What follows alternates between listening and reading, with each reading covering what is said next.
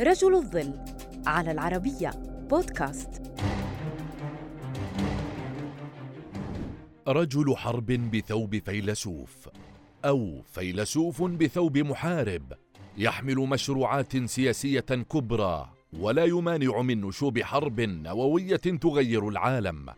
ما يجعله أخطر مفكري العصر الحديث بل ربما هو أخطر صوت قد يسمعه أي رئيس في العالم.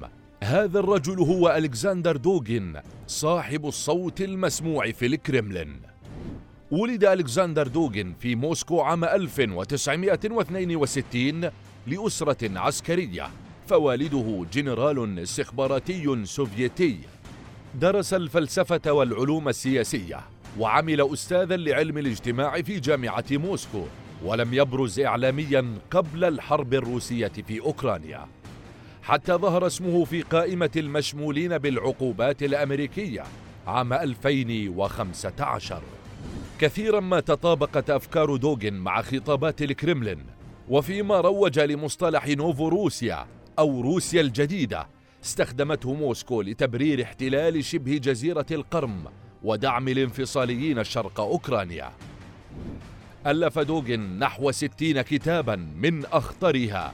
أسس الجغرافيا السياسية حيث دعا روسيا لوقف النفوذ الغربي في أوراسيا وتفكيك الدول الأخرى. هاجم دوغن الوجود الأوكراني دوما ولم يعتبرها دولة. كما ظهر في مقطع مصور وهو يدعو لقتل الأوكرانيين. فاعتبر المؤلف الأيديولوجي لاستراتيجية بوتين في أوكرانيا. وفي أول منشور صحفي له عام 1991 كشف عن أفكاره القومية المتطرفة وقال إن روسيا دولة مقدر لها أن تواجه غربا ماديا فرديا ناهض دوغن الشيوعية فكان معارضا للرئيس الروسي السابق يلتسن ولم يتفق مع الفاشية لأنه اعتبرها خاضعة للهيمنة الغربية التي دعمت حرية الفرد وأسست للليبرالية. طرح نظريته السياسية التي تدعم تعددية الأقطاب وهو ما يتبناه بوتين في خطاباته ويعتبره وسيلة لتحقيق السلم والأمن ودعوة لوضع حد للليبرالية والبرلمانية وحقوق الإنسان.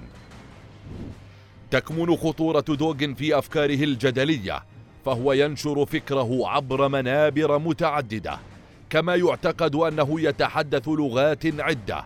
ما يجعله قادرا على التواصل مع تيارات مختلفة حول العالم. أما الأخطر فهو دعواته للحروب والعنف.